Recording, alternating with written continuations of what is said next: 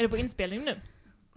Jag har räck hela tiden. Ja, men det är väl lika bra, då känns Ja, det men lite då kör vi avslappnat tänker jag. Skönt. Jaha, eh, hej allesammans. Hej! Nu Hallå. är vi här igen i studion och idag ska vi prata om visioner. Woho! Fast inte våra egna visioner utan andras visioner. Uh. Och eh, det här är Brandpodden. Och i studion idag har vi Jackie Yes, hej. och Sara. Ja. Och så har vi lite besök av Tilde Hej. som ska prata om sin arbetsplats och visionerna som bodde där. Precis. De bodde Eh, där. Och inte bara där kanske utan också på andra ställen. Men Mm. Sara, du har en liten mer utförlig presentation av det här programmet. Jag heter Jonas så jag ska försöka sköta tekniken här. Så gott det går. Du lyssnar på Brandpodden. Nej men precis, vi ska snacka om visioner helt enkelt. Eh, som ju såklart finns överallt. Eh, men det vi ska fokusera på är väl kanske inte vilken vision som helst. Det är inte ett filosofiska rummet vi ska eh, liksom prata om eh, vad vi anser är vara en vision eller inte. Utan det här är ju faktiskt Brandpodden. Och eh, då ska vi prata om nyliberala visioner. Som vi lever under och plågas under. Eh, och vad de har för politiska incitament nyliberala incitament. eh, hur de styr oss och hur de känns i våra kroppar, vad det finns, vad det som är deras mekanismer. Och jag ska bland annat lite senare prata om varför det är så himla populärt att ha eh, en vision för stadens utveckling i alla kommuner, som ni kanske har sett. Eh, vision 2040, vision 2030, Söderortsvisionen, Järvavisionen, jada, jada, jada. Eh, och så kommer vi snacka om hur det känns att jobba och bo i någon annans vision. Visioner utnyttjas, eller sådana här visioner vi kommer att prata om, utnyttjas ofta i samband med genomgripande förändringar i organisationer. Jag tänkte dra ett exempel. På 80-talet så hade SAS, Scandinavian Airlines, en liten bok som heter Jannes lilla röda, som de gav till alla sina anställda. Det var ett litet häfte med bilder och eh, mycket kort liksom, tillhörande text till de här bilderna som eh, både målade upp liksom, hoten som eh, företaget stod inför och därmed också liksom, logiskt förklarade motiven till varför man skulle bryta med det gamla, gamla sättet att arbeta på eh, och det gamla tänkandet för att sen då eh, i den här lilla boken gestalta det nya tänkandet som skulle ta liksom, företaget ut ur den här krisen då. Och det fick alla anställda på den här. Eh, och så, så till exempel, de här visionerna, det kommer jag också gå igenom lite senare, men eh, visioner, framförallt när det kommer till stadsutvecklingen, är någonting som börjar synas efter 80-talet. Eh, och varför det ska jag prata om sen. Um, och, det, och det intressanta, tänker jag också, är här, är att det inte är så himla stor skillnad mellan just privat sektor och hur offentlig sektor styrs nu för tiden. De Eh, samspelar väl ganska ofta. Ja, exakt. Och när man tittar på stadsvisioner så är det ju verkligen en, eh, någonting som händer efter 80-talet, liksom, när eh, det blir mer och mer eh, marknadsideal som styr även den offentliga sektorn. Mm. Mm. Ehm, mitt eget intresse för um, stadsvisioner eller så kom ganska mycket ur, en, ur att jag har varit organiserad mot hyreshöjningar och gentrifieringsprocesser eh, i söderort. Och där liksom söderortsvisionen var förhärskande. Och där vi som grupper som var engagerade där eh, upplevde ett enormt demokratiskt underskott. Trots alla de här medborgardialogerna som kommer eh, kom och kommer fortfarande, eh, som ska på något sätt stävja det här demokratiska underskottet, men kommer med de här visionerna i sig. Liksom. Man märker att det är tätt sammanknutet, den demokratiska diskussionen och de här nyliberala stadsvisionerna. Så att det går inte att komma som grupp och prata om någonting annat eller prata om reella eh, problem i området. Utan allting handlar om den här nya bilden av staden och vad staden ska bli. De nya investerarna, Ikano och Ikea då i Hagsätra som verkligen är. Det är därför jag tänker också det här avsnittet hänger lite samman med företagsdiktaturavsnittet på ett sätt. För det är verkligen att leva i någon annans värld liksom, och under en annans vision. Men nog om det så länge, eh, tänker jag. Vi ska snacka, ja. Ska vi dra igång? Vi Mm. har ju en intervju som Ja. vi har gjort också. Ja, eh, häromdagen så snackade jag med min kompis Jennifer om hennes arbetsplats. som, eh, eh, som eh, vi, kan gå, vi kan faktiskt lyssna på, på, jag tror att den kommer förklara sig själv ganska väl, Ja. intervjun. Mm. Ja, ska vi köra? Den Ja. är, den är, hur lång är den? Typ en tio minuter, en kvart? Något sånt. Men så, ja. Så kommer vi tillbaka sen. Håll i er så kommer Ja. vi tillbaka. Mm. Yes, nu kör vi. Grymt. Okej Jennifer. Ja. Hej Jennifer. Hej.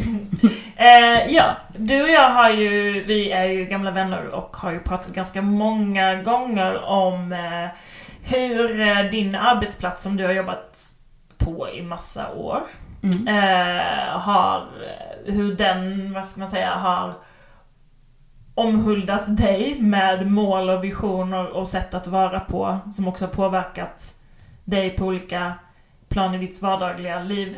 Kan du berätta lite för oss om det? Vad är det för arbetsplats? Kan du börja med? Nej, men det är en inredningskedja som har... eh, Ja, men en inredningskedja med väldigt mycket olika produkter. Det är väldigt brett sortiment. Mm. Och det finns ganska många eh, butiker i Stockholm och så. Ehm, nej, men den här butiken bygger ju på att... Jag tänkte, eh, jag, när jag blev tillfrågad så tänkte jag på vad är det som är mest... Eh, vad är det som genomsyrar den här eh, stämningen? Och problemet är att alltså den här kedjan har en idé om... Alltså den, den bygg, kedjan bygger ju på en idé. Mm. Att den har en mission. Mm. Som handlar om att förenkla folks liv. Jag säger så. Eh, och det som är intressant är ju då att, att så här, äh, vi, vi som arbetar i butiken ska presentera olika förslag till hur folk ska förenkla sitt liv. Hur som haver, så- alltså så här är det. Det finns massa olika ledord som den här eh, kedjan har. Mm. Och nu senast för två veckor sedan så hade vi en inspirationskväll. Mm. Det kom upp en supersäljare Mm. från Göteborg Mm. och eh, berättade hur han sålde saker bra. Mm. Och där var det liksom så här, han använde sig av att man ska vara nyttig, Mm. man ska vara modig, man ska vara närvarande och man ska vara nyfiken. Mm. Och mod bygger på att man ska våga det där lilla extra. Mm. Vilket- Vad innebär det då? Ja men det innebär att om eh, du, har, om du kommer in och köper en lampa av mig Alltså om du vill köpa en lampa, då kanske jag säger så här, behöver du en glödlampa? Det känns rimligt. Lampa, glödlampa. Mhm. Och sen kanske jag säger, mm, vill du köpa en tak eller stickkontakt? Men det här modet kommer när jag säger, hur har du det med handtvål? Och då, och då liksom 8 av 10 säger nej. Men de där två som kommer på att de verkligen behöver handtvål, Mm. de blir väldigt impade och då är man modig. Så man ska hela tiden pusha gränsen för vad som är rimligt. Alltså det finns i liksom, inom kapitalismens logik, upplever jag i alla fall, så Mm. finns det ingen rimlighet. Nej. Det ska inte vara, du ska inte vara rimlig och du ska inte vara liksom, nu räcker det. Utan handlar någon för 4 000, 5 000, 6 000, ska jag fortsätta att så här, med den här pennan, med den här pennvässaren, med den här pennhållaren, men åh vänta, då behöver du en lampa, men behöver inte du en matta? Så att det tar aldrig slut. Mm. Vilket gör att alltså, känslan som man har när man jobbar i butik, om man arbetar med aktiv försäljning, är att det får aldrig vara nog. Mm. Vilket betyder att man alltid känner sig bristfällig. Mm. För att alltså, det, det finns alltid en till låda att packa upp. Det finns alltid en till kund man kan alltid vara le och säga hej till lite trevligare. Man kan alltid liksom, och den här supersäljaren tyckte att vi skulle uppmuntra varandra, hålla koll på varandra. Sara, du, du sa inte hej till honom, varför gjorde du inte det? Peppa varandra. Mm. Men alltså jag upplever kanske mer att det blir utav en liten hets kanske. Mm. Om jag ska, ja alltså jag har jobbat i en av butikerna och då är det ungefär 2000 personer som kommer in genom dörren varje dag. Oj! Ja och, då, ja, och då ska vi säga hej till alla dem. Mm. Och vi får liksom, ja men det har varit så här olika regionschefer som har kommit förbi och bara Du sa inte hej till mig. Man bara, jag hade ansiktet i en låda och höll på att packa upp någonting. Mm.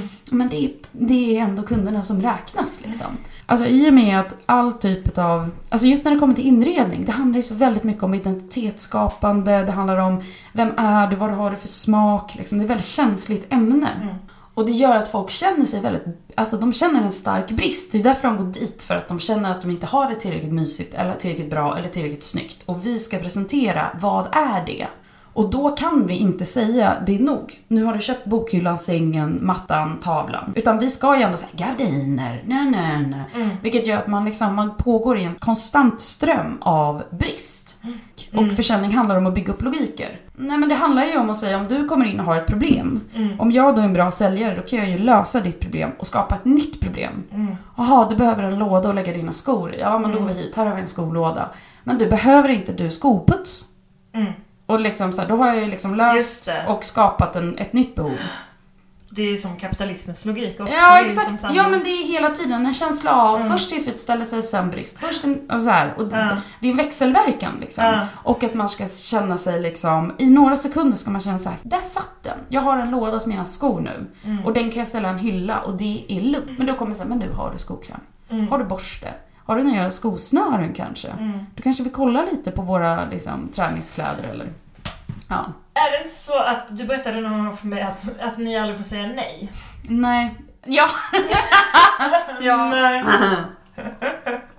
På, på vår toalett finns det en eh, lista som heter säljarens list. Säljarens list. Säljarens list. Säljarens listlista. Ja, säljarens listlista med... ehm, ja, men det är massa så här man ska tänka på som säljare. Så när man sitter på toaletten liksom, kan man alltid läsa på och bli lite bättre säljare. Mm. Och där står det liksom ehm, att man aldrig ska säga nej. Så att om du säger har ni skruvar, då säger jag vi har sugproppar. Och då har jag liksom inte sagt nej, utan Nej. jag har presenterat en bättre lösning. Ja. Och då kanske du känner dig dum. Shit, Mm. varför behöver jag en skruv när det finns sugproppar? Och då kan du känna, då känner du dig dum och så vill du vara lite trevlig mot mig och så köper du sugproppar. Mm. Och då säger jag, är det inte så att du behöver en diskborste? För jag är en modig säljare till exempel. Mm. Och hängas på sugproppen. Jag vet inte. En grej som är problematisk är ju att eh, försäljning av någon konstig anledning tror folk att tävlingar ska få en att bli motiverad. Så att man ska sälja saker och så tävlar man med så här, ja men nu ska vi den här dagen, alla ska sälja ett skohorn. Mm. Och så ska man liksom få så många att köpa ett skohorn som möjligt. Liksom. Mm. Och eh, det här, jag förstår inte vem som ska bli motiverad av det här. Så vad, för vad som händer är ju att man liksom pajar ett förtroende som man har byggt upp mot kunden. Den kanske har behövt hjälp och så kommer man säga, ja men det här är en bra blomkruka och Mm. det här är en superbra hängmatta och vill du ha ett skohorn förresten? Alltså, Mm. mm, men ehm, nu tror jag att jag tappar frågan. Jo men det är en, jo så här, alltså den här um, säljkulturen som bygger på tävlingar gör ju att man hela tiden tävlar mot varandra. Man kan aldrig jobba med varandra. Man skapar ju Mm. inte en gemenskap. Inte Alltså. Nej, det blir inte det. Nej. Utan det blir, och du vet så här, man kan få, förut kunde jag få liksom mail från en butikschef så här. Nu har Anders slagit oss alla med att sälja så här många skohorn. Varför har inte du sålt fler? Kom igen! Och så här, eller du som är så bra på att sälja det här, kan inte du lära den där?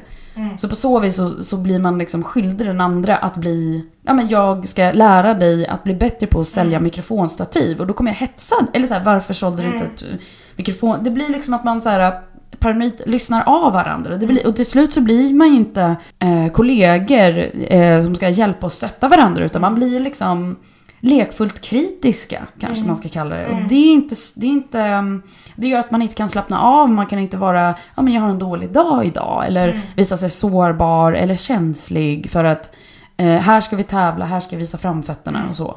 Och även om, självklart så är det så att mina kollegor är skitgulliga, alla Mm. är det. Men den här idén om den här kulturen ligger hela Mm. tiden och trycker på. Mm. Sen är det ju så att jag känner mig aldrig tillräcklig. Mm.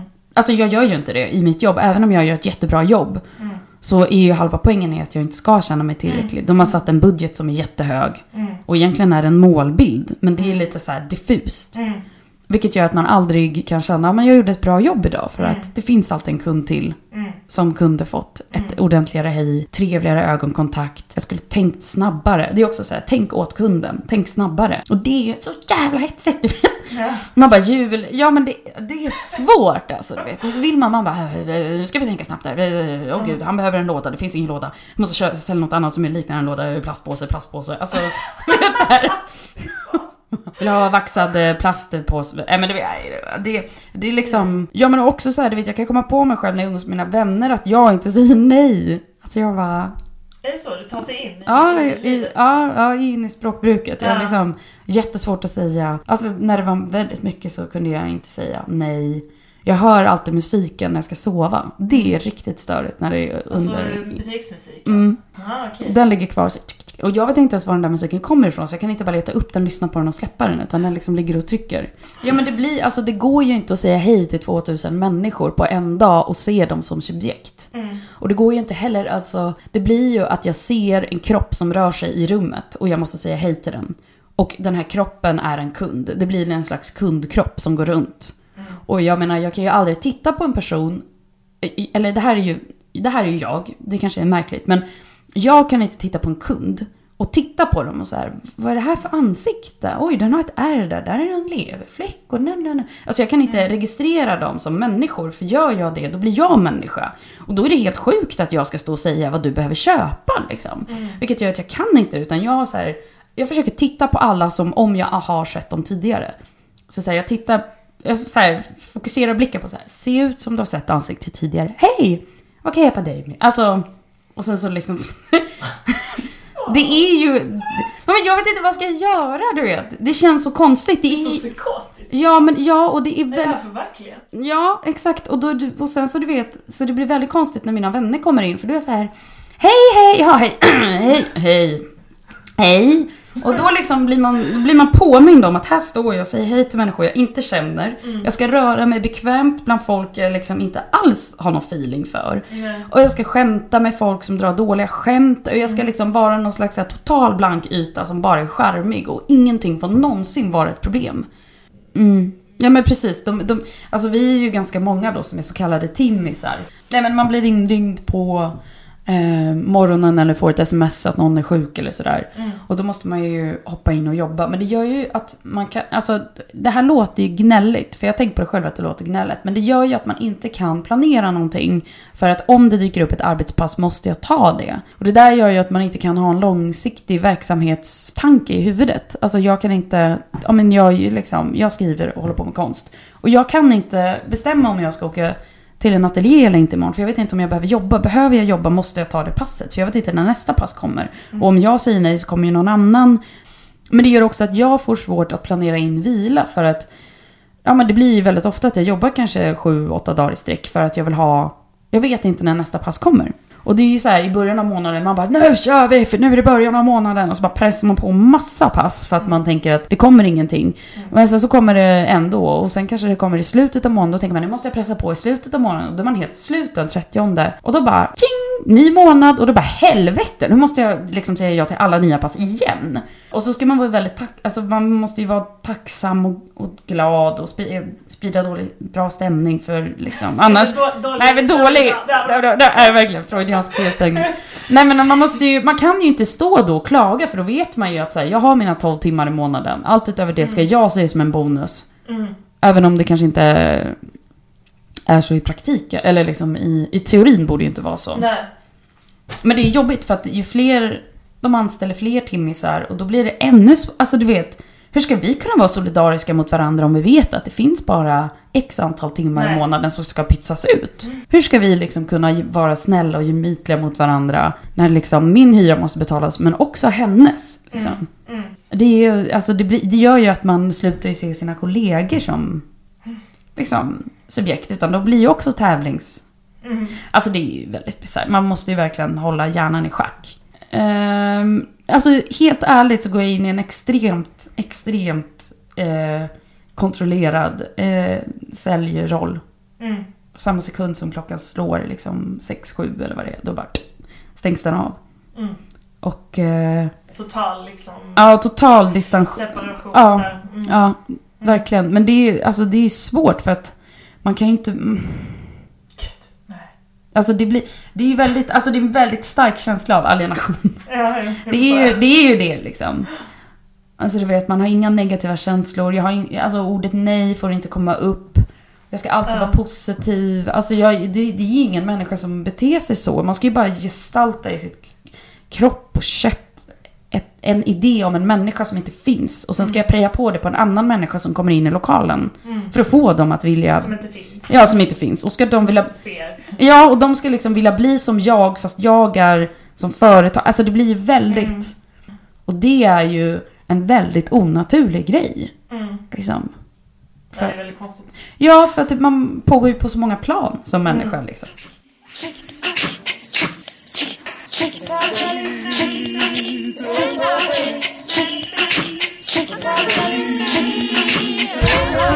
Det var inget. ja, shit. Ja. Mm. Eh, Någon som vill ha en spontan kommentar på det här? Det finns ju jättemycket att säga, tänker jag. Ja. Skitbra. Nej, fan. Mm. Det är Psykos. Mm, En bra sammanfattning. exakt. Ja, det var en hög igenkänning också. Mm. På väldigt mycket. Mm. Alltså i många jobb Mm. man har haft och också med det ämnet jag ska prata om Mm. och den arbetsplats jag har haft. Mm. Men också tidigare och det här med att vara timvikarie. Mm. Att jag tycker inte alls att det är gnälligt Mm. att tänka som hon gör i att behöva ha den där stressen. Och det är så många jag känner. Jag tror alla jag känner känner igen sig i det där. Mm. För de flesta i vår ålder har varit eller är timvikarier. Mm. Och den där äh, leva upp till och alltid tacka ja för att få ha en plats kvar som företaget lurar in Mm. en i. Som att man är helt onödig och utbytbar Mm. hela tiden. Så Mm. tyckte jag hon verkligen satte fingret på. Mm. Och så.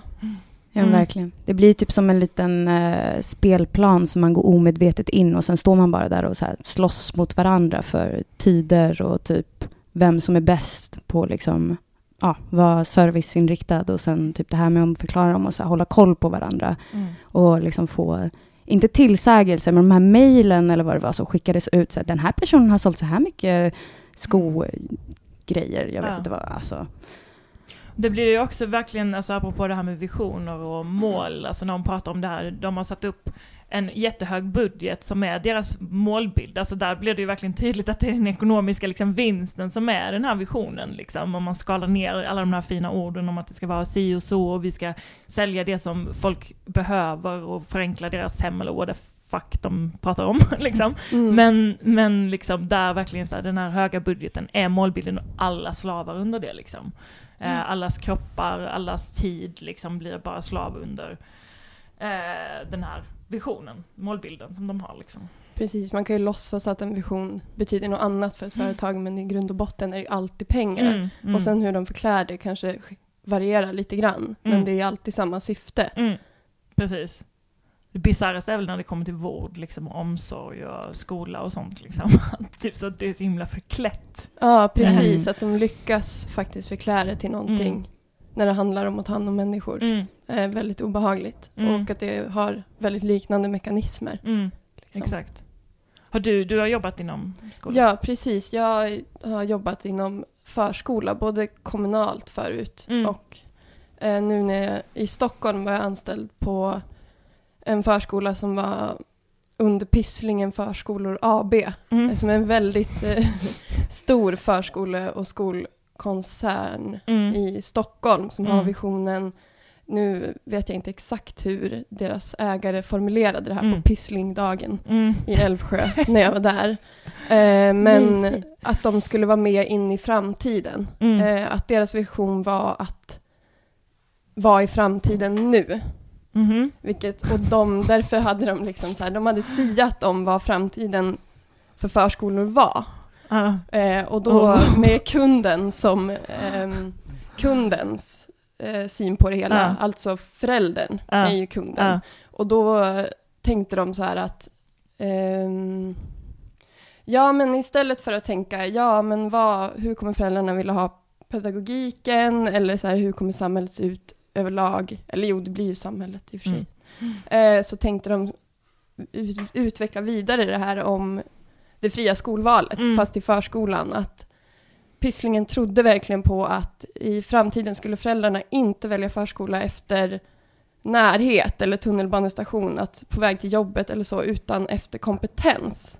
Mhm. Eh, Mm. Att eh, föräldrarna Just det. redan skulle ställa sina barn i kö dit de visste att det var bäst och hade bäst rykte. Och där ville Pysslingen vara i framkant. Mm, mm. Eh, och genom att presentera det här så öppnade de ju upp till väldigt mycket obehagliga Mm. beteenden. Och På till, arbetsplatsen liksom? Ja, på Mm. arbetsplatsen och generellt hur, hur man skulle arbeta för att vara bättre pedagoger. Mm. Eh, och med det sagt så tycker jag att man, man ska ju alltid tänka på att vara en bra pedagog. Mm. Så är det ju absolut. Men det öppnade ju också upp för att de skulle få, få behandla pedagogerna som endast en del i verksamheten där pedagogerna inte är människor. Mm, Att personligheten skulle skalas av, vilket Mm. också blir väldigt svårt när alla föräldrar är olika också. Mm. Och det går inte att stänga in alla pedagoger i ett enda beteende. Nej. Liksom. Nej, precis. Individualiteten försvinner totalt liksom. Ja, precis. Och det blir det här som Jennifer sa också, att det blir liksom en jämförelse och en press och det öppnar upp till en så här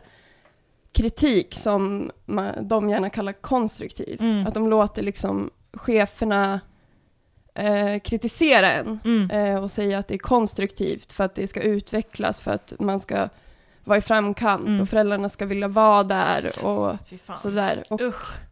Fan, jag kan jättebra. tänka, alltså det måste ju vara skitläskigt faktiskt. Blev det, mm, blev den, alltså upplevde du med för att uppleva den stämningen liksom? Var du kvar på jobbet? Ja, alltså jag kastades ju in i det där. Mm. Så att när jag började hade företaget jag jobbade på redan blivit uppköpt av Pysslingen. Mm, så för mig, för, fast för mig var det mer en chock att gå från kommunalt eh, utanför Stockholm, för det var Mm. också skillnad.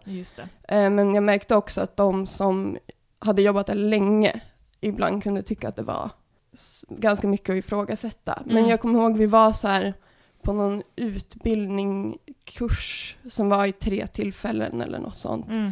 Då de hade en, en kväll hade de tre timmar om hur vi skulle titta på en powerpoint när några från Pysslingen, så här utvecklingschefer eller någonting, Mm. hade haft en vision eller en idé om hur man skulle förbättra pedagogerna genom att färgsätta olika personligheter som pedagogen kunde gud. ha. Så att eh, jag kommer inte riktigt ihåg färgerna, men jag är Nej. säker på att personlig var röd färg. Personlig. Ja, om man Ja. var för personlig och för Ja. privat. Så om man visade upp den här röda färgen, då säger jag till dig att det är för mycket av det, en sån sak du är... Precis, så att de delade upp det med att visa, de började med att presentera den röda personligheten, som var den röda färgen alltså, hur Mm. man kunde vara, och det var när man var för privat, vilket innefattade att man kunde prata lite för mycket om sig själv, Mm. eller att man så här, visst, de förklädde det så här, man får ju ha en dålig dag, men Mm. när, ja, jag vet inte om de sa något namn, men när Karin kommer till jobbet för femte dagen i rad och klagar över hur jobbigt hon har det hemma, då är det bra om ni säger nu du är lite röd Karin. Alltså! Det viktigaste är att du är en bra pedagog. Ja. Eh, och så här, Shit. att det var, öppnade också upp för att man inte skulle stötta varann och Mm. en kritik mot varandra. Och sen var det två färger till. Eh, jag tror att det var gul och grön, Mm. eller gul och blå, Mm. skitsamma. Mm. Eh, där det var att man kunde vara för planerande, säger vi var blå kanske. Mhm. Eh, och sen var Men det... det är också dåligt, att planera saker. Nej, men det var som att man skulle ha en balans mellan röd, gul och blå. Ja. Och gul var då att man gjorde mycket. Att man var mycket med barnen. Men var man för gul, då gjorde man mycket utan att ha det blåa med sig. Att man Ja. inte planerade och slutförde det man gjorde. Och i sig är det ju bra att ha en diskussion om att man måste ha en planering och ett mål med vad man gör i sin pedagogik. Mm. Eh, men människor fungerar olika och det där måste man ju hjälpas åt med. Men det mest obehagliga var ju att det, så här, de här färgerna var ju ett väldigt så här, lätt sätt att få kollegor att kritisera varandra. Mm. Eh, att det öppnade upp Tydligt sätt. till, liksom. alltså jag fick panik, så här ska jag gå till jobbet och så har man en skitdag och så ska någon komma till mig och Mm. säga så här, Du är röd. man är så här, kommer och bara, ja men jag har sovit dåligt idag. Bara, Nej Tilde, du är för röd nu. Nu är du Mm. röd, nu Mm. går vi in i en blandning mellan gul och blå. de, de istället. ger dem verkligen verktyg att kategorisera varandra liksom. Precis. Fruktansvärt. Det är så mycket fokus som tas från barnen också. Alltså, Mm. det är helt sinnessjukt. Det är verkligen så här, alltså jag tycker att det är viktigt eh, att kunna planera och prata med varandra om hur man vill gå vidare. Mm. Men det blir ju bara en konkurrens mellan varandra och det öppnar upp till en så här intern kritik som gör arbetsgruppen svagare. Mm. Eh, Mm. Och det Definitivt. tycker jag är obehagligt. Eh, Man börjar, alltså, som hon också säger där, Jennifer, liksom, att man inte jobbar tillsammans. precis. Vad händer då? Mm. När det handlar om barn. Ja. Precis, och det där var väl min förskola. Jag tror inte det var så mycket att vi anklagade varandra för olika färger Mm. faktiskt. Men jag vet ju inte heller hur andra förskolor Mm. ser ut som har haft samma kurs. Men det är Mm. verkligen så här tydligt vad de ville göra med Mm. det där. Mm. Eh, men sen hade de också liksom en intern konkurrens mellan förskolor. Eh, där de valde ut en förskollärare från varje förskola som skulle åka över till andra förskolor och efter en så här, ett poängsystem Mm. eh, bedöma den Mm. förskolan den åkte till. Jaha. Så att de skulle kryssa i... Så kritiker. ja, det var jättestressigt när de skulle komma och så här. fanns det en krysslista liksom, så gick det runt en annan förskollärare hela dagen. Det var två Mm. dagar tror jag och liksom Mm. kollade. Det var jättestressigt. Det var ju Nej, verkligen en så här bedömning Mm. hur man är som person. För att Gud. hur man än gör, det går inte att undgå att vara en person Nej. när man jobbar med människor. Det går inte att vara som de vill att, det går ju inte som på Jennifers arbetsplats heller. Nej. Det går ju aldrig att inte vara en person. Nej. Men det är ju väldigt obehagligt om man ska helt plötsligt bli en robot eh, när man är kring barn som man har varit med i ett år. Mm. Och de märker väl också av att man blir helt stel och Ja. stressad. Mm. Eh, sen var det väldigt smart av dem att de tog en från varje förskola. Istället för att skicka in någon från ledningen till exempel, Mm, som mm. har jobbat väldigt mycket med det där, så tog de en från varje förskola. Mm. För det, öppnade ju, det gjorde det väldigt svårt att kritisera det hela, Mm. eftersom det också var någon man själv jobbade med. Mm, Som gjorde det. samma sak, som också blev så här, säkert, Mm.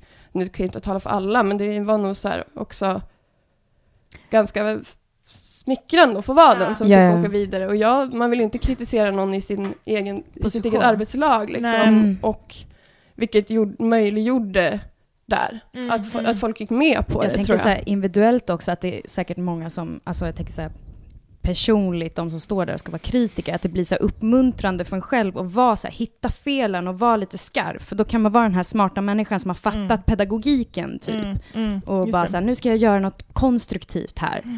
Och bara, Precis, det blir en Ja, ära att precis. få de här uppdragen och få Mm. de här eh, verktygen. Att, spirituell, typ eh, intellektuell Mm. fascist, eh, Precis. pedagog. Och så där gör de ju också att de, Pysslingen har massa så här tjänster som är första förskollärare, det, är en, ja, det finns massa sådana där, Mm. eh, som också gör att folk vill klättra Ja, visst. på något sätt. Eh, Mm. och cheferna kan ju också klättra Mm. eh, på ett sätt man inte kanske kan göra lika mycket faktiskt än kommunalt, men de måste väl också anpassa sig. Mm. Jag vet Mm. inte hur det är kommunalt i Stockholm, men de har mycket för sig Mm. där, där de möjliggör att man kan hoppa på varandra, Mm. tycker jag. Mm. Eh, och det är väldigt obehagligt. Eh, och också så här, eh, man ska ju rapportera varje dag hur man, ehm, hur dagen har varit för föräldrarna. Och det är ju väldigt rimligt, tycker jag. Men också med den här visionen att föräldrarna ska välja förskola efter kompetens, eh, som fria skolvalet. Mm. Liksom. Så eh, öppnar de också upp för en konstruktiv kritik Mm. eh, ungefär. Eller vad man ska säga, det Mm. kanske inte, jag tycker inte att det är det. Jag tror som Jennifer säger, jag tycker inte att, att det är bara för att man ska nå framåt och ha liksom en riktning där man ska lyckas så tycker jag inte att så här, kritik är vägen att gå. Nej. Men det är så lätt att möjliggöra det när det är så här, men då utvecklas vi, det här Mm. är för barnen, Mm. ni blir bra peda- pedagoger Precis, liksom. så där kommer ju visionerna in. Alltså det är ju väldigt, det är väldigt överlagt. Liksom. Precis, det är någonting som är verkligen djupt rotat i liksom ett värderingssystem som de har liksom, eh, tagit fram, säkert i samarbete med vissa kollegor eller vissa, vissa arbetare där liksom, ehm, som känner sig engagerade i att företaget ska gå bra. Liksom. Precis, att så här, ja men just där att det är svårt att ifrågasätta att, att man känner press över att de här dagrapporterna man fyller i eller bemötandet till föräldrarna, vilket också är löjligt för att man känner ju de där föräldrarna. Mm, Det går ju mm. inte som Jennifer att göra att så här, Mm. det här är en person jag låtsas att jag har träffat förut, men Mm. jag tar inte in, in vem det är, för då Nej. blir det en person. Precis. Men man känner ju varandra, man har Ja. ju träffat dem varje dag. Det går ju inte riktigt att släppa Nej. att det är någon man vet vem det är och man har olika relationer till olika människor. Precis. Eh, Men det, just det där tänkandet gör ju att det är svårt att kritisera, att man tycker att det är jobbigt att få liksom en mall för hur Mm. man ska bete sig för varje person. Mm. För att det går alltid att gå tillbaka och säga men det här är kunderna och du, det här gör vi för barnen. Du Mm. ska vara en bra pedagog. Mm. Det, går liksom, det är svårt att säga nej men jag vill inte vara en bra pedagog. Nej, för det är ju inte det det handlar om, Nej. men de förklär ju det till det. Och man fastnar. Ja, man blir väldigt, väldigt man. låst. Och, Verkligen. så här, i vissa dagar och vissa veckor när man är känsligare för att det är så här, mer stress eller man känner att så här, ja, man är inte 100 procent Mm. och orkar inte gå in i den här rollen att så här, bemöta föräldrar. Mm. Och så ska man stå och ge 15 dagrapporter i rad. Mm. Mm. Att man, man blir helt galen. Man Mm. blir ju så här osäkrare och osäkrare och skörare och skörare. Så till slut Mm. man har- ska gå hem vet man inte vad som har hänt. Och så börjar man liksom tänka på vad har jag sagt? Har jag sagt något fel? För föräldrar är ju också, det förstår jag, de vill ju de vill ju bli trygga och lugna och försäkra dem att deras barn har haft det Mm. bra. Men till slut står man där och bara, vad har jag sagt? Mm. Liksom. Så man kan gå hem med väldigt mycket ångest liksom. Men jag tänkte på en grej, alltså det här var ju också en del, eller så här, ni har väl också den här Reggio Emilia-pedagogiken? Just det, ja det har vi. Eller så här, jag menar jag tänker att det, jag vet inte så mycket om den, men det är väl någon sorts vision också typ som gäller för alla förskolor i Stockholm va? Ja, jag tror, som jag förstår det, så vill de ju gå åt det hållet väldigt mycket.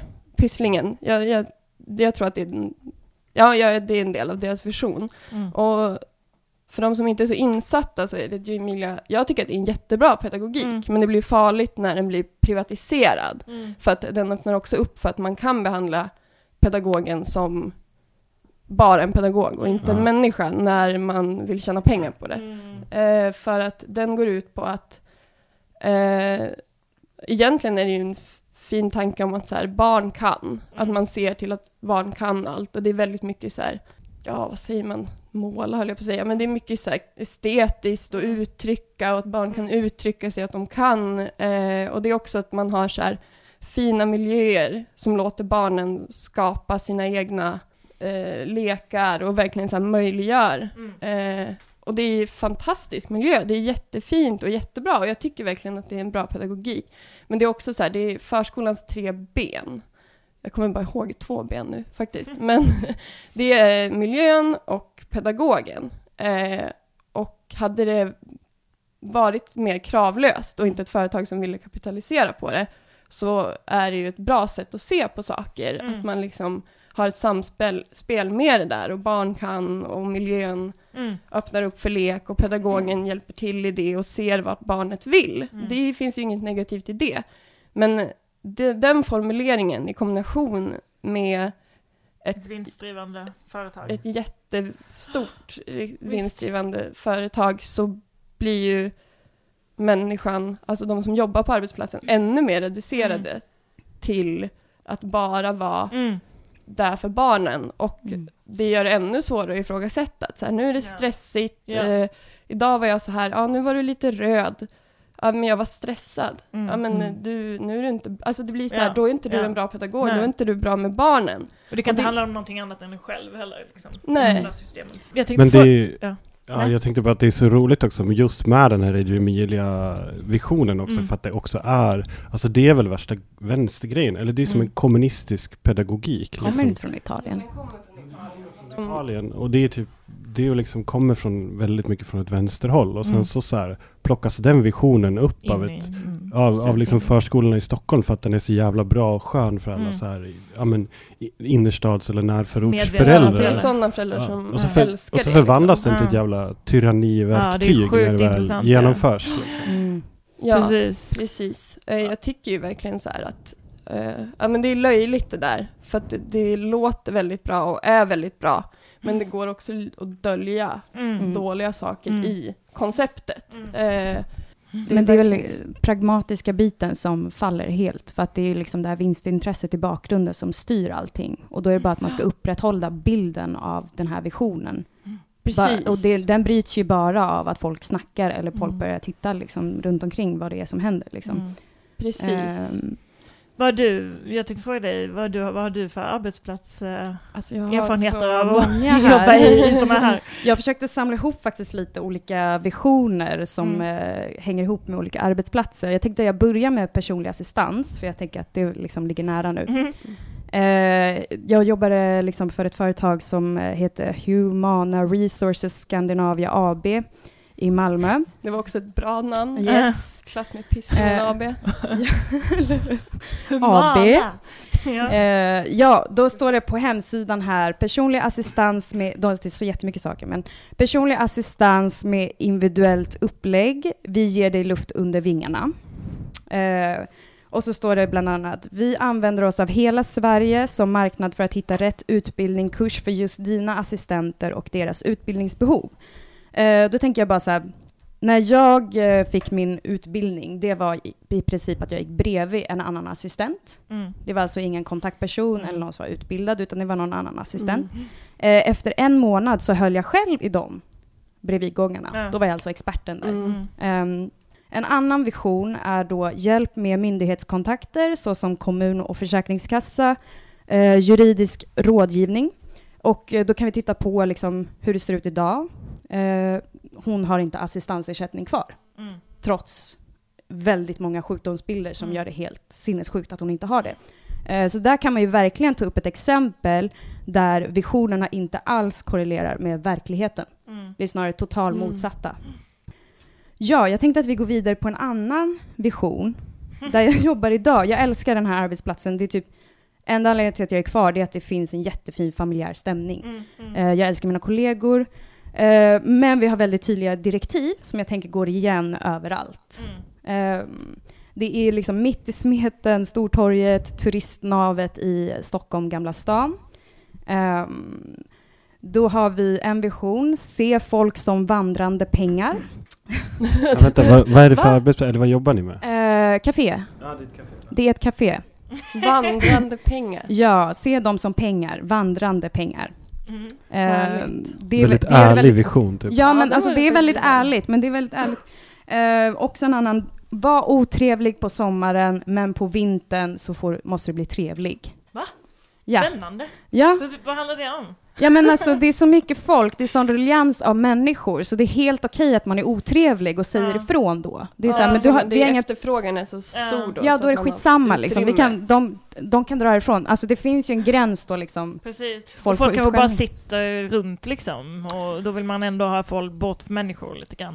Ja men precis, alltså, det gör inget. Det kommer någon Mm. två sekunder senare. Det är redan en kö som är 20 meter lång. Det är folk som väntar på platser. Så det gör inget att du är otrevlig. Ja. Mm. Eh, vilket kan vara ganska skönt egentligen. Att man har, liksom, man får Det ha svängrummet. Ja, precis. Jämförelse. Ja. Ehm, vi, så klassiskt som vi tog upp innan, vi måste äga gästen och styra gästerna. Mm. Typ eh, komma på innan så här, okej de här kommer vilja dela notan eller så här, den där, de vill betala där borta så vi vill inte ha fram dem till kassan. Och notera är att det är ett väldigt litet ställe och K-märkt så att det finns inte plats. Och när det är ruscher så har vi liksom inte, vi kan inte ha folk springande så vi måste styra folk där. Mm. Ehm, och såklart göra det mysigt. Hur skulle du vilja ha det hemma hos dig när du bjuder in till fika? Gör du som hemma hos dig så blir du extra engagerad. Ja, det är bara det att det är K-märkt och jätteäckligt. Alltså det går typ inte att få rent. Det är så här, Ja. väggarna rasar, typ. Eh, ja, vad ska vi se? Jag kan ta upp en till. Ja, som kommer igen då, det här med vandrande pengar. Få in så många det går, få ut så mycket pengar som möjligt. Mm. Alltså så här, Ja. hitta platser, tryck Mm. ihop liksom. Ja, det Mm. påverkar ju verkligen ens eh, förhållande till eh, andra människokroppar som Jennifer också pratar om där, Mm. tänker jag. Verkligen. Men alltså är, är det där överhuvudtaget en vision? Alltså liksom när man bara ser folk som vandrande pengar. Eller det känns som att Jag det tror är väl inte, ja. nej. förhållningssätt, Mm. strategi. Alltså jag tänker när man har haft ett ställe så länge i 20 år, alltså det är psykotiskt att jobba där. Det är liksom inte som att man får en andpaus. Och så, nej. Jag, ja, jag hade inte velat äga det stället. Alltså och försöka Nej. hålla någon sorts trevlig stämning och så här, alla har Mm. typ psykos om vartannat dag och jag känner mig som two-face på jobbet. Absolut. Men om, man, men om man jämför med typ en vision som vara i framtiden nu. Ja. Nej, nej, precis. Det där är väl mer en, en liksom företags... Liksom, ja, styrningsvision på ett helt annat sätt. Du lyssnar på Brandpodden. Jag, Ja. tänkte, jag tänkte övergå lite och prata om stadsvisioner. Eller liksom, jag tycker det är intressant också för att ehm, på, på kommuner så fungerar de här visionerna, alltså de visionerna som jag nämnde innan och som man ser överallt, liksom söderortsvisionen, Järvavisionen och det här. Eh, de fungerar liksom både som visioner utåt, till allmänheten att det här är det liksom, samhälle ni ska leva i, eh, det, här är det som det kommer att utvecklas till. Eh, och framförallt då för nya eventuella kunder, det vill säga invånare. Ja. liksom. eh, men också fungerar visionerna jättemycket som vi såg på Pysslingen till exempel, som ett slags styrning inåt i själva organisationen, hur man jobbar med eh, planering nu för tiden, eh, som har eh, liksom förändrats ganska mycket. Ehm, och um, så det används liksom som förändringsverktyg både utåt sett men jättemycket inåt kan man säga. Och um, ja, och jag tänker ju på de här visionerna då. Eh, vision 2030 och vision 2040 och som finns i princip i alla. Som googlar man en liten ort eller en större ort och framförallt större städer, även metropoler i andra länder liksom eh, så kommer de här grejerna upp och det är ofta 2030, 2040 nu då. Kanske var 2020 innan, jag vet inte, men det har ju nästan börjat, det är inte ens, ligger inte ens i framtiden längre liksom, utan det är nu. eh, och då är det liksom olika mål och inställningar, riktningar, värdegrunder eh, som presenteras där och ofta centrala begrepp, till exempel mod, nytänkande, kreativitet, attraktivitet och så vidare. Som är då viktiga en, enligt kommunerna för att få saker och ting att hända också inom organisationen. Alltså att få individer som jobbar där att liksom ja, eh, använda sitt spelrum själva liksom och tänka kreativt och nytänkande och så vidare. Och eh, så det ger liksom de anställda också en viss mått av frihet då menar man. Um, och jag kan ta några exempel på hur det kan låta. Att typ så här, Söderortsvisionen var, skulle bli en levande stadsdel, ett Stockholm i världsklass som ni kan ha hört.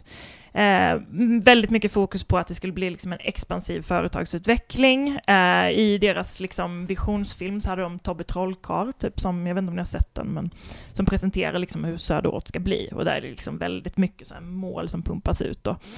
Eh, och Upplands Väsbys vision, Vision Väsby 2040, där är det också, men fast det är nästan alla visioner om man tittar på det så är tillväxt liksom det, det absolut högsta målet. Liksom. Ehm, och eh, ehm, ja, och formulerat här, korta mod är också en väldigt viktig i Upplands Väsby. Ehm, och där det, den visionen eh, presenteras som Väsby vågar och gör. Eh, men också att Väsby ska gå från, eh, övergripande ska gå från att vara en förort till att bli en småstad. Eh, Kristianstad, där jag kommer ifrån, deras vision är vi lyfter tillsammans tillväxt, tanke och trivsel. Um, Varberg ska gå från, också en för- förvandlingsresa in i framtiden, ska gå från att vara Sveriges kurort till att vara eh, Sveriges, Västsveriges kreativa mittpunkt. Ehm, och det är ofta liksom i alla de här visionerna så är det också formulerats typ så här ehm, vilken ehm, Alltså vilken identitet en plats har eller vilken identitet en plats ska få. Till exempel så här, det här är Varbergs inre själ. Eh, den här ja, Kristianstad, här gör vi så här och så här, typiska för Kristianstad. Eh, som ofta liknar varandra väldigt, väldigt mycket från, från plats till plats. Och det man ska bli är också väldigt mycket eh, ja, samma. Liksom. Eh, det ska bli kreativt och, och det, allt ska växa. Liksom. Det får absolut inte minska. Jag antar att ni känner igen de här Ja, grejerna. det känns ju verkligen som att det är så här, hit kan alla företag komma. Mm. Hit kan Ja. du starta upp vad du vill. Mm, exakt. Kreativt och härligt. exakt. Eh, och så här, vi, vi hjälper dig. Mm, Och så egentligen handlar det bara om att de vill tjäna en jävla massa Mm. pengar som vanligt. mm, precis, exakt.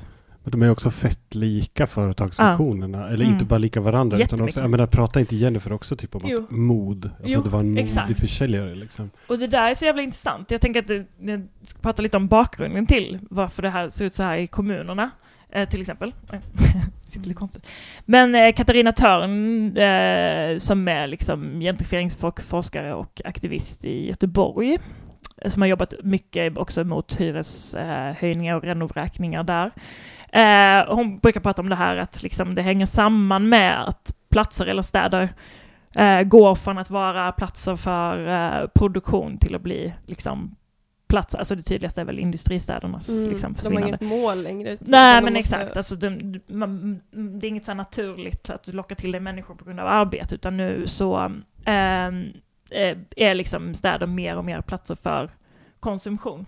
Alla måste Mm. öppna upp för att anpassa sig till hur Exakt. samhället ser ut. Det finns Ja. liksom ingen annan väg att gå. Nej, Alltså så här, precis. Det, det gör det också obehagligt att höra alla de där när man ser någon så död ort som Mm. har någon så här hemsk slogan Mm. som inte stämmer överens men man vet så här annars kommer ni ju dö.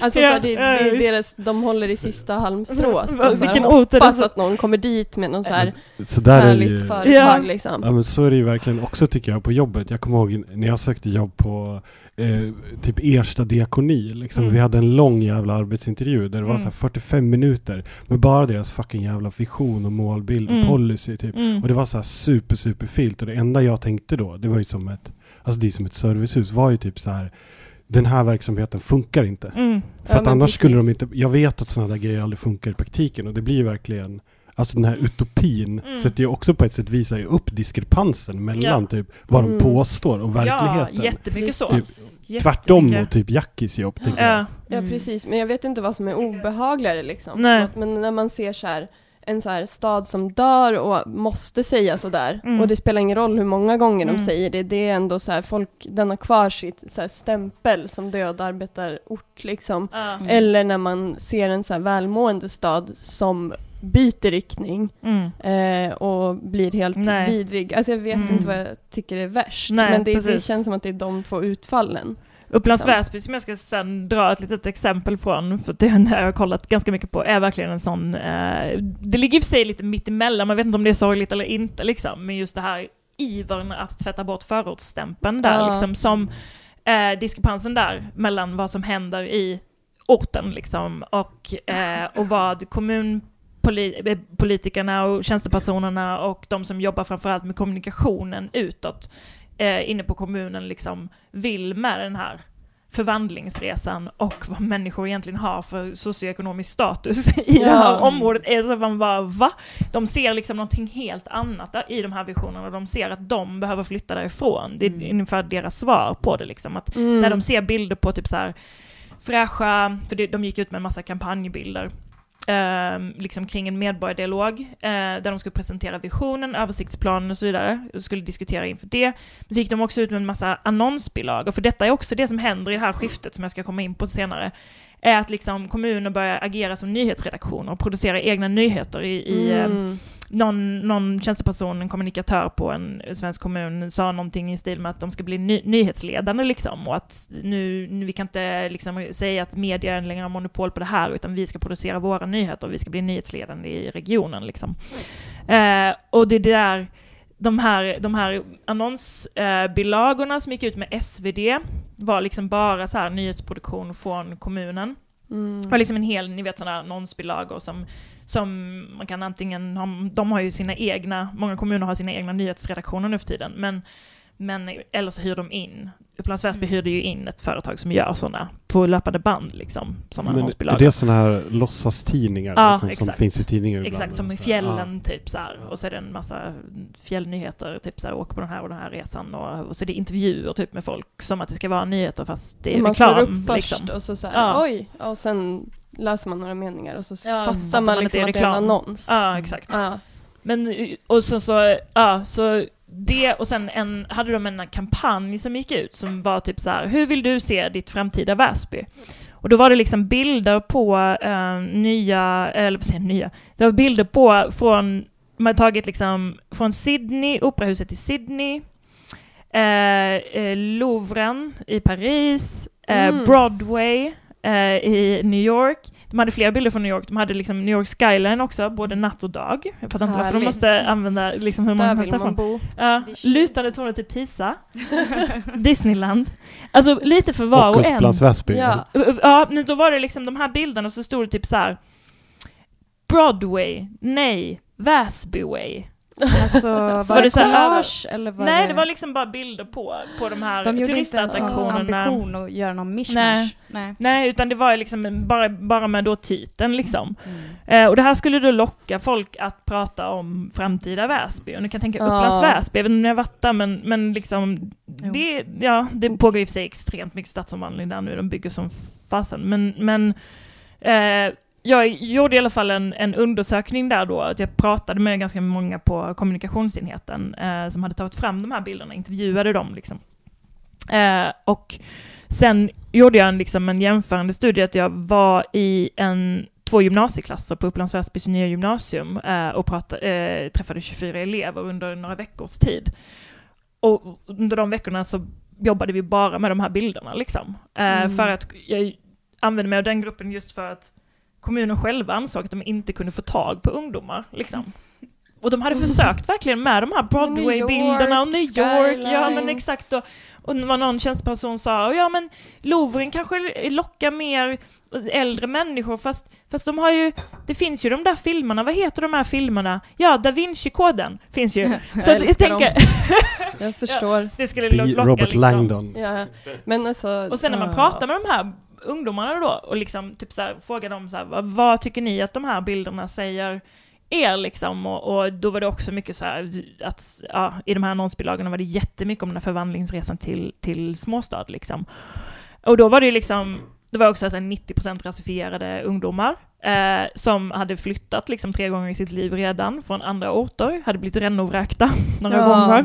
det är- Eh, de bara så här, alltså det här för mig betyder att ja, det kommer de rusta upp här, och de kommer renovera dyrt och jag kommer behöva dra liksom. Alltså ordagrant sa Ja. de sådana här grejer. Mm. Och liksom, ja, okej, förorten och liksom pratade också om de här jämförelserna som kommunen höll på med. Liksom bara, jag vet ju vad det här betyder liksom. Alltså det här kommer stressa. Det var någon också bara typ så här, ja, jämförelse är liksom aldrig bra. Alltså typ så här, ja, jag börjar jämföra min bil med hans bil liksom. Alltså jag mår inte bra, jag blir stressad. Åh, fint. Mm. Så jävla fint! Alltså Ja. det materialet är helt, jag är liksom tårögd varenda gång jag går igenom det, det är så jävla bra. Men, ehm, och liksom när man pratar med tjänstepersoner på kommunen så var det typ så här när jag bara så här, ja men vad, vad saknas i Upplands Väsby? Vad är det ni vill förändras till liksom? Vad är det Väsby ska...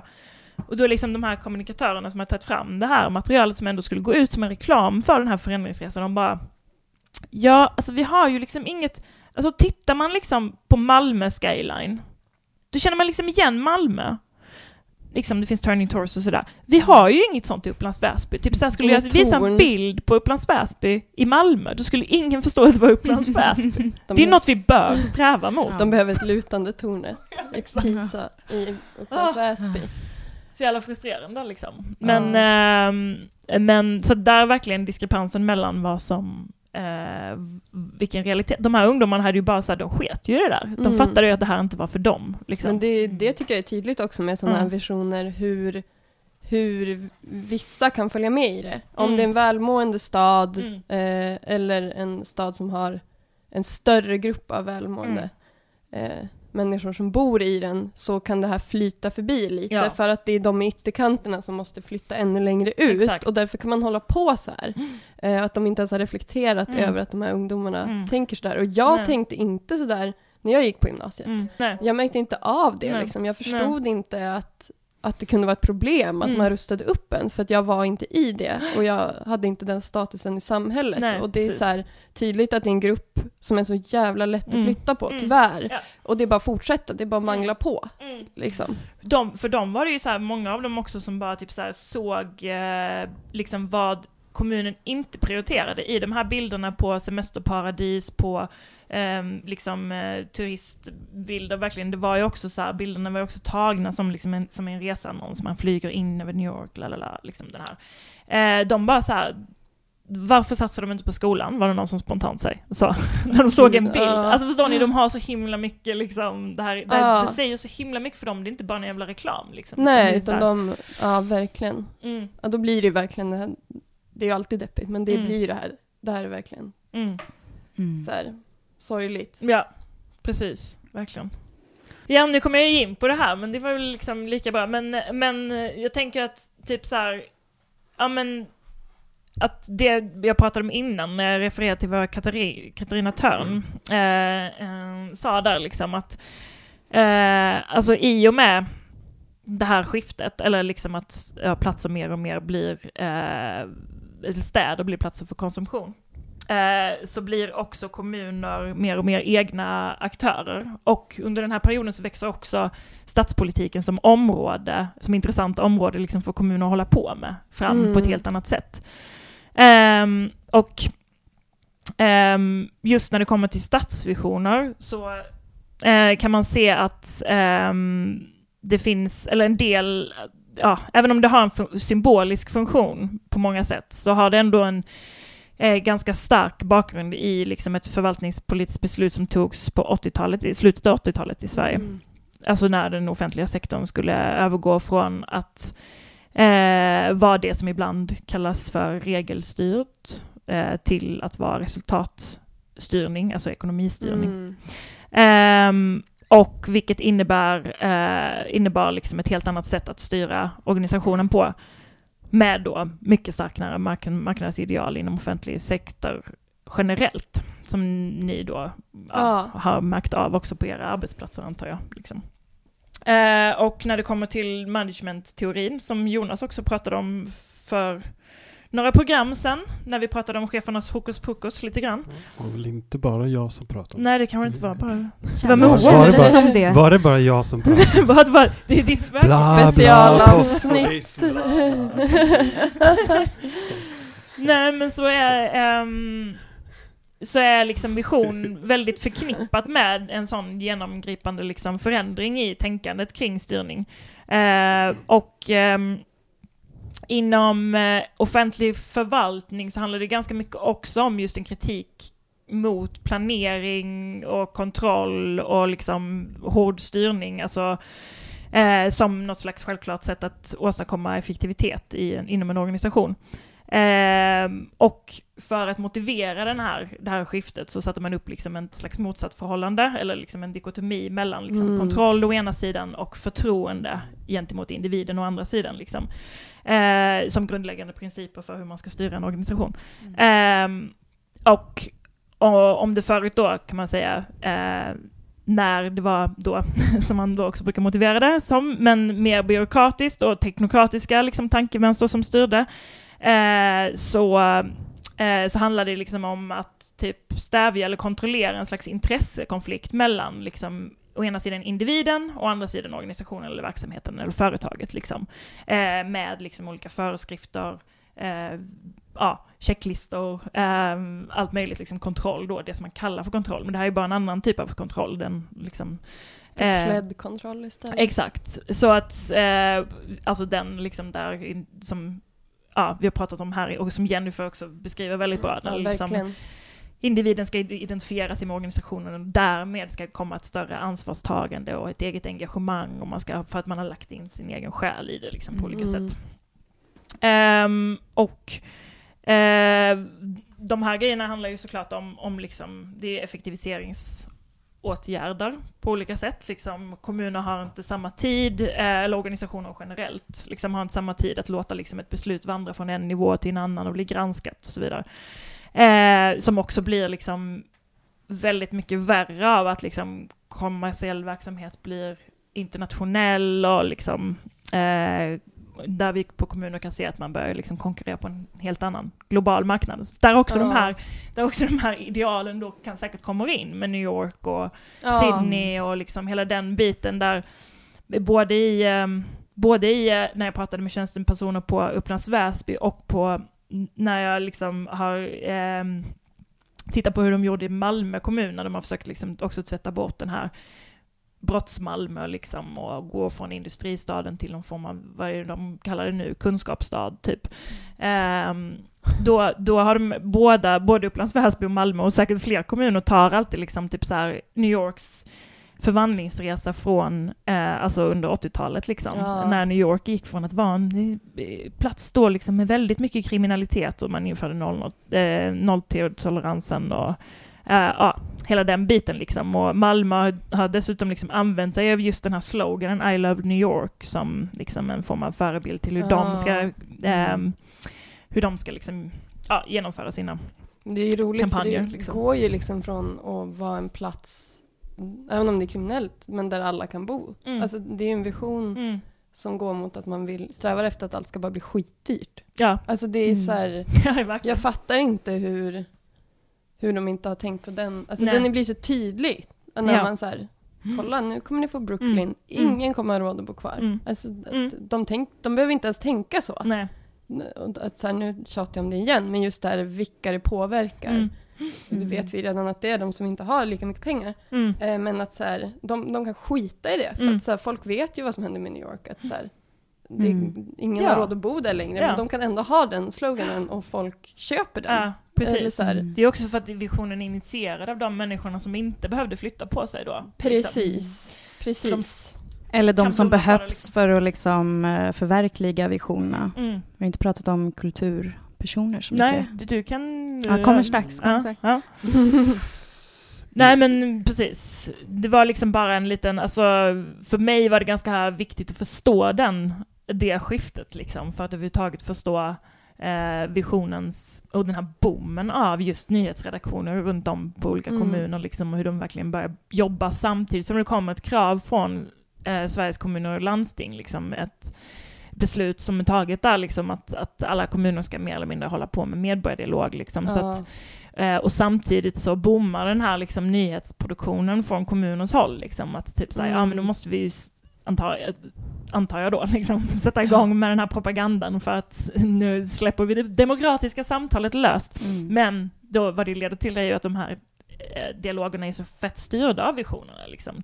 Mm. Till och med i sin utformning, alltså, det vill säga vilka kategorier man kan välja mellan, typ som när vi var på medborgardialog i Högdalen. Liksom. Det är verkligen så här eh, upp, alltså uppställt. Liksom. Hela dialogen är uppställd kring olika kategorier. Liksom. Det är så här, trygghet, skola, alltså ja, Mod, mod. Mm. Skyline. ja, exakt.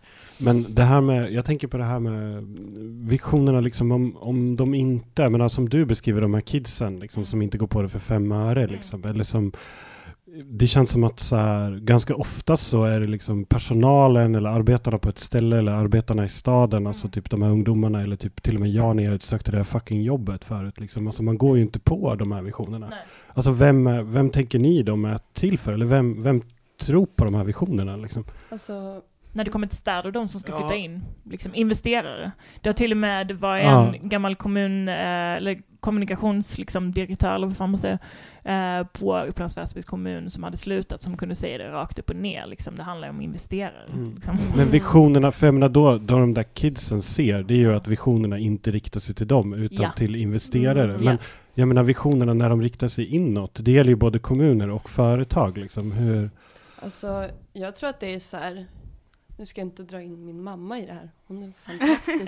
Men hon var så här, vi pratade, jag är ju från Umeå, och då var det som att hon så här, de hade ju kunnat göra det lite mysigare i Holmsund, Ja. som ligger utanför Umeå. Mm. För att hon bor i Umeå och de har sitt på det torra och har hus och har jobb och det är också en stabil ekonomisk stad, men de har också den ställningen nu. hur, Eh, och då, då är hon, då, då, då tror jag att det är lättare att missa vad det, Mm. vad det gör Ja. också. För att då går det inte ut över en. Sen tänker jag att det mest är de som just så här, ah, nu ska jag vara snabb på bollen och köpa något i Upplands Väsby för att jag ser här rullar igång. Ja. Nu jävlar. Mm. Men- Men sen tror jag att de som redan är i det och inte har drabbats av det i, i början, Mm. där i alla fall tar det längre tid för dem att se det. Sen vet jag inte om det, hur det skulle se ut om 50 år. men Sen precis, tänker finns ju du en annan hon... klass också som inte, typ i Upplands Väsby så finns det ju ganska uppdelat liksom mellan, Ja. liksom, alltså Mm. det går väl till och med en väg mellan liksom områdena där det å ena sidan är en eh, liksom, ja. medelklass och ja, Men jag radhusägare. menar, går hon på det för att jag menar, hon jobbar väl också på Reggio Emilia förskola? Eller jag menar, Mm. går hon på det på sitt jobb? Men alltså hon, jag har ju jobbat på samma som min mamma i Umeå. Samma. Och det är inte samma, alltså det är, jag tror att det är skillnad också i, med Stockholm och andra städer. Mm. Och så här, Umeå är ju ganska stabilt tycker jag. Och jag tycker att det finns skillnader där man måste ta in. Och så här, mina föräldrar, det är ju inte som det blir liksom mellan Enskede och typ Ja, någon förort i närheten. Alltså det blir inte lika Dalen, typ. tydligt. Nej, precis. Så här, för att det är inte som att mina föräldrar har det så gott ställt, men det behöver de inte ha där på något Mm. sätt. Men jag tror att det, man måste kunna ha alltså man kan missa det också. Mm, Ja, mm. det är väl så här, som du säger, så ha det bra ställt och sen måste det ju vara liksom eh, individer som iklär sig de här visionerna och vifta med flaggan typ och få det att Mm. bli trovärdigt. Mm. För då blir det också svårt, alltså då måste man ju vara en individ som ställer sig emot det här i så här, opinion. Ja, eller precis. När man, när man inte har, behöver ställa sig emot det. Pre- Precis så, när, när det inte finns någon anledning. Eller så här, de, de har väl inte varit...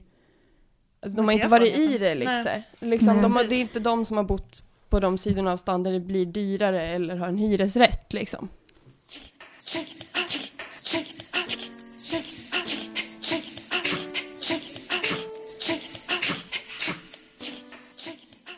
Eh, Jag tänker när vi ändå är i Umeå och pratar lite och rör oss där så kan vi väl prata om eh, en eh, vision som redan har skett. Eller så här, typ kulturprojektsvision, Kulturhuvudstadsåret som var 2014. Ja, det var vidrigt. Ja, det har man ju, alltså vi kan ju börja med parollen kulturdriven tillväxt. Bara där liksom så här, kan vi förstå hur illa det har varit liksom i, hos eh, politiker och näringsliv som man jobbat tätt med. Baltic äger ju typ hela stan, de var ju med i hela processen. Eh, det jag tycker dock är intressant med liksom hela vad, är, den, vad är Baltic? Eller? Det är ett eh, byggbolag, bygger, Satan själv. de äger typ Satan själv. Ja men precis som du säger, de Mm. äger ju jätte, jättemycket bostäder, bostadsrätter och lokaler i Umeå. De äger ju i princip allt, vilket Mm. ger dem en särställning. Ja, men Ekono- verkligen. De kan styra och ställa ganska mycket med kommunen. Ja. Och så fort de pumpar in pengar så är alla supertacksamma, vilket liksom är så tydligt med det här kulturhuvudstadsåret. Eh, jag, jag tänker så här, för diskussion om liksom så här, vad som hände där var ju liksom att eh, när man sökte pengarna så gjorde man någon så kraftsamling från eh, kommunen att så här, samla liksom engagerade personer som redan verkade i Umeå så här, i deras kulturscen och använda sig av deras eh, arv, typ musik, Mm. punkscenen och eh, motståndskulturen kan man väl säga som har funnits där. Ehm, så man använde sig liksom av de här människorna då och det arvet för att söka kulturhuvudstadsåret. Och ehm, det som hände då när man liksom fick pengarna eh, var ju att alla de människorna försvann i processen. Eh, det var ju genom att Emma Svanström som är eh, aktiv i eh, vad det, verket Ja, det Ja. tror jag. gick ut, ja, Ni liksom, vet. Vad? ja men hon liksom gick ut offentligt och skrev en eh, krönika om just de här grejerna. Liksom att så, ja, vi har gjort, eh, vi var med i hela processen, när de fick pengarna då bara försvann kontakten.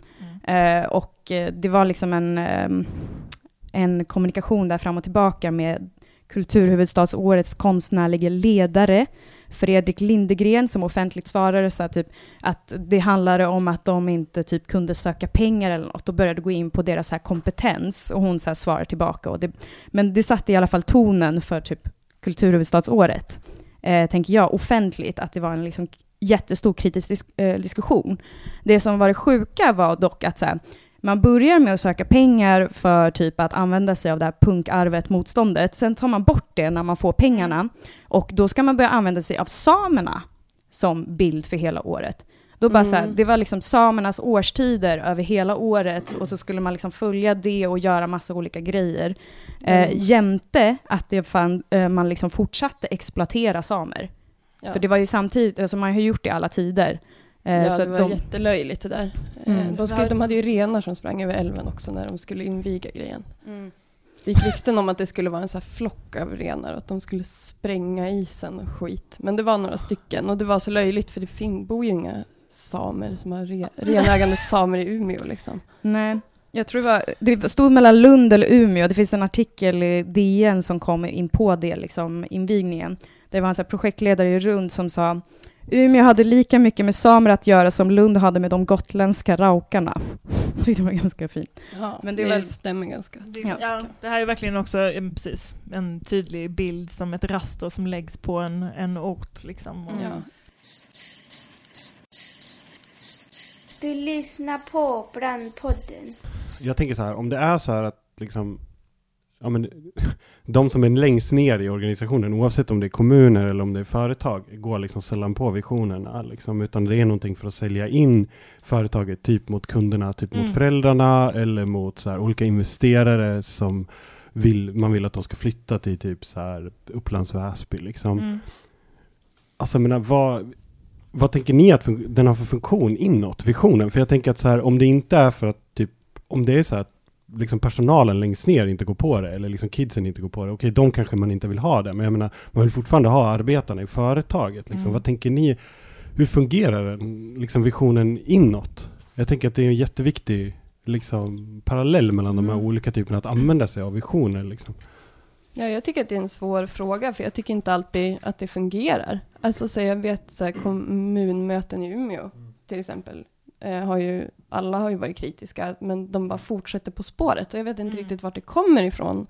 Eh, Alltså, mm. Jag tror visst att det faktiskt fungerar eh, eh, inåt också. På, på ganska många eh, kommuner som jag har, det är klart att det finns folk som har jobbat på kommunerna längre tid, framförallt de som har jobbat över tid, som det inte fungerar på. mm. Men däremot så används visioner på kommuner, har man sett, liksom, för att också rekrytera en viss typ av människor som vill jobba Mm. med den här visionen. Så det är också ett rek rekryteringsverktyg liksom, som funkar Ja. ganska bra. Att typ säga jag vill jobba, och det, det är också, man ser en mycket högre omsättning också med kommunpersoner som kommer och har jobbat i flera olika kommuner på flera olika platser som inte är lokalt förankrade. Utan som Mm. faktiskt där visionen drar till sig en viss typ av då ny, ny, nyliberalt subjekt som vill Men- jobba men- Men då kan man alltså, då kan man alltså se en så här skillnad mellan typ mellan egentligen mellan sådana här kommunvisioner och Ja. företagsvisioner. Ja, där det kanske i större utsträckning då är arbetarna i företaget går Mm. inte på det. Liksom. Mm. När man blir tvungen att jobba i den visionen varje Mm. dag som, Men då ja, men kanske, som Jennifer eller du Ja, men- Tilde eller ja, oss eller så alla. Liksom. ut. Ja, men det var det byts exakt det jag tänkte ja, komma till. Att så här, man öppnar upp för en ruljans med Mm. den där sloganen. Att man får in folk och eh, också på företag som kan Mm. liksom utveckla den här visionen. Mm. Eller på kommuner. Mm. Och när det Eller Pysslingen, Ja, där någon ex- är mer icke-röd, Precis, blå, det, behövs inte att alla går på det. För att de skapar ju liksom med att ha visioner och med att byta liksom strategi. Och om man inte är med på den här, om man inte hoppar på det här tåget, så är man ut, alltså, då byts man ut. Som Jennifer sa, att så här, eh, är man inte med på att sälja, då tar de in någon som tycker Mm. att det är jättebra att säga hej hela tiden Mm. och aldrig säga nej. Mm. Och det Mm. gäller nog företag och kommun, Mm. personer på kommunen också. Sen visst finns det de som har bättre ställning på vissa kommuner, som du säger, de som har jobbat länge Mm. på vissa kommuner som har lite mer att säga till om. Men jag tror Mm. att i framtiden. Den allmänna visionen över världen, då spelar inte det någon roll. Nej. Men för jag tänker också att den här, det som Jennifer pratar om, om man Mm. jämför det som Jennifer pratar om med det som du pratade om nu, Mm. liksom till det att jag menar, hon kopplar ju också, och du med på ett sätt, kopplar ju visionen också till den här känslan av att man inte är sig själv eller att man inte kan vara en människa och att man inte kan möta människor. Liksom, Mm. att det, finns, det känns som att det finns någon sorts konstig koppling mellan, mellan de här kapitalistiska visionerna Mm. och den här liksom relationen till andra människor som att de vore föremål. Liksom. Eller jag har tänkt Mm. jättemycket på när jag, Jättemycket så, Mm. tror när jag jag. lyssnade på Ja. henne, Jennifer tänkte jag jättemycket på typ så här Marx och hela de här tankarna kring att man i kapitalismen blir liksom varor som förhåller till varandra som varor. Liksom. Ja, Förtingligandet av mänskliga relationer. Liksom. och det, Det känns som att visionen Ja. blir något sätt att, ja, men, det, och det där att, att förtingliga relationen Ja. utifrån en kapitalistisk logik. Liksom. Och det tror jag kan, man kan säga går igenom ändå på ett annat sätt inom kommunverksamheten. Att det till exempel eh, hur man förhåller sig till sociala, eller liksom sociala problem i kommunen. Alltså för att jag menar, de producerar de här nyheterna till exempel. Det är bara bra nyheter. Det är ingenting som Mm. handlar om vad som har hänt egentligen, liksom, eller vad kommunen måste Mm. jobba med. Liksom. Eh, på samma sätt som det mer handlar om PR och marknadsföring än att faktiskt se till att fördela resurserna så som de behövs. Liksom. Det är inte en instans för det längre, utan det handlar mer om ett slags uppvisande. Mm. Så att på ett Mm. sätt så, så ja, man förtingligar ju egentligen förhållandet till, till invånarna på ett sätt. Ja. Man ser inte vad de behöver. De, för Mm. det, till och med de här ungdomarna var typ såhär, den här skolan är ju bara, det är ju bara liksom en, det är bara en kuliss liksom. Ja, för jag menar då, jag tänker liksom att så här, jag menar, det det visar ju på något vis är ju också så här på ett sätt att så här, okej, det är inte visionerna som har makten. Typ att de också så här, de presenterar en massa visioner, men i slutändan så är det inte visionerna som bestämmer, utan det finns en så här högst konkret makt, typ. Mm. Här, ett vinstintresse, en materiell Ja. makt. Liksom, Mm. Och där är visionerna, där funkar visionerna som, Målbilden. som en sorts målbild som är så här, ibland ett uttryck för, som lite Jennifer pratade om, där liksom, det är en så här kapitalistisk version av en Ja. utopi. Typ, Mm. vi vill tjäna så mycket pengar som vi aldrig egentligen kan tjäna. Nej. Men liksom att det är också så här, man, får, man kan få intrycket av att så här, det är visionen som styr, men då är det ju typ Mm. inte visionen som styr, utan visionen blir liksom ett sätt att Ja, visionen Typ är maskera skapad vem för... Ja men det är styr. typ distraktion att styra, också. ja. Alltså jag tänker att det är bara så här för att man ska inte liksom hänga med också, att det Mm. bara pumpas ut Ja. liksom visioner för att det är som reklam typ eller något som bara uppehåller en från att faktiskt se verkligheten. För vi har ju typ redan verktyg och rapporter i oändligheter av vad man kan göra konkret Mm. Mm. för att till exempel jag vet inte, eh, istället för att plocka bort folk från vissa förorter, typ jag vet, hjälpa folk Mm, ut men- ur misär. Ja. Man talar ju om för, för folk som är i närheten av visionen eller ska söka sig Mm. till staden eller arbetsplatsen att så här, så här, alltså, mm, så här ser det ut, det här är Mm. vår målbild. Kan inte du leva upp till den Mm. så kan du dra någon annanstans. Mm. Sen också hela den här liksom att försöka få folk att vara en del av så här demokrati eller så här höja valdeltagande. Man Det är uppenbart att typ att rösta inte hjälper. Det har Mm. gått åt ett håll liksom. Skit. Precis. Men, men också tänker jag liksom att en grej som jag tänkte på när du pratade om det här med när visionerna började implementeras Mm. på det här sättet i, Mm. i kommunerna och hur de har liksom så här, hur det har liksom så här fullständigt liksom penetrerat så här eh, vård och omsorg liksom. Mm. Som du pratade om till det, att det också så här det känns ju också som att det finns en relation med ju mer liksom så här, den kapitalistiska logiken styr ett, ett företag eller en kommun, desto mer så här bisarrt jävla visionärt blir det. Ja. Liksom. Mm. Det är som Ja. att visionerna hänger ihop med typ att kapitalismen börjar tränga in i porerna på Mm. hela samhällskroppen. Mm. Så börjar Mm. också kapitalismen komma med en massa perversa visioner om sig själv. Mm. Typ så här, Mm. va, vara i framtidens nu. Vad fan är det för jävla absurda... Ja, visst, det är bara massa knutar liksom. Man bara, det är verkligen som en paradox, eller som den där gallerian, det, menar, det är ju en utopi, och den där jävla gallerian i Umeå som också dessutom heter Utopia. Ja. deras, deras festival heter ju också, som de försökte ha, hette ju också Visionsfestivalen. Men det är Mm. sen jävla PR-runkeri liksom, allting är bilder typ. Så känner jag, Mm. alltså, för det är verkligen så här, ingenting betyder ju något av Men ibland kan man ju få den här Mm. sjuka känslan av att man lever i så här kapitalets så här bisarra dröm om sig Mm. själv. Typ. Mm. Som vi dessutom ska så här, genomföra som någon sorts sjuk koreografi på våra Ja. jobb, där vi bara så här, vill du inte ha en sugpropp istället? Ska du inte ha något att hänga som hon pratar om? Mm. Liksom. Man bara är någon Mm. sorts konstigt vandrande lik på sitt Ja, och det jobb. finns ingen utsida typ. Precis. Allting är så här tvådimensionellt. Det är Jag tänker att det är så tur att vi inte tror på skiten. Det är Ja, hoppet. liksom. Verkligen, verkligen. Ska vi, ska vi köra en liten runda om man vill liksom säga någonting? Jag skulle vilja säga något kort innan vi säger hej då. Eh, till exempel. Vi Kan Ja, jag, jag kan, jag, ni kan börja. Jag behöver inte runda något. Jag, jag ska ju bara sköta tekniken. Nej. Ja. Ja, men börja, det börja blev ändå lite, blev ändå lite killgissning här. ja, men, då, då. Det går inte Hallå. att vara kick utan. Nej, precis. Det kommer man aldrig undan. Nej.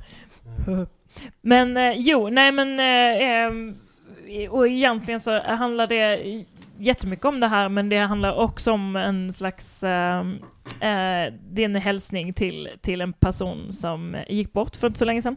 Ehm, och ett litteraturtips är ett. Ehm, för att nu på söndag ska jag åka på en minnesstund för Mark Fisher i London. Eh, och eh, det är en bekant och en skribent, ja, fantastisk teoretiker tycker jag, eh, som gick bort för några veckor sedan i depression. Eh, och ehm, eh, i ett kapitel i hans bok Kapitalistisk realism, som den heter på svenska.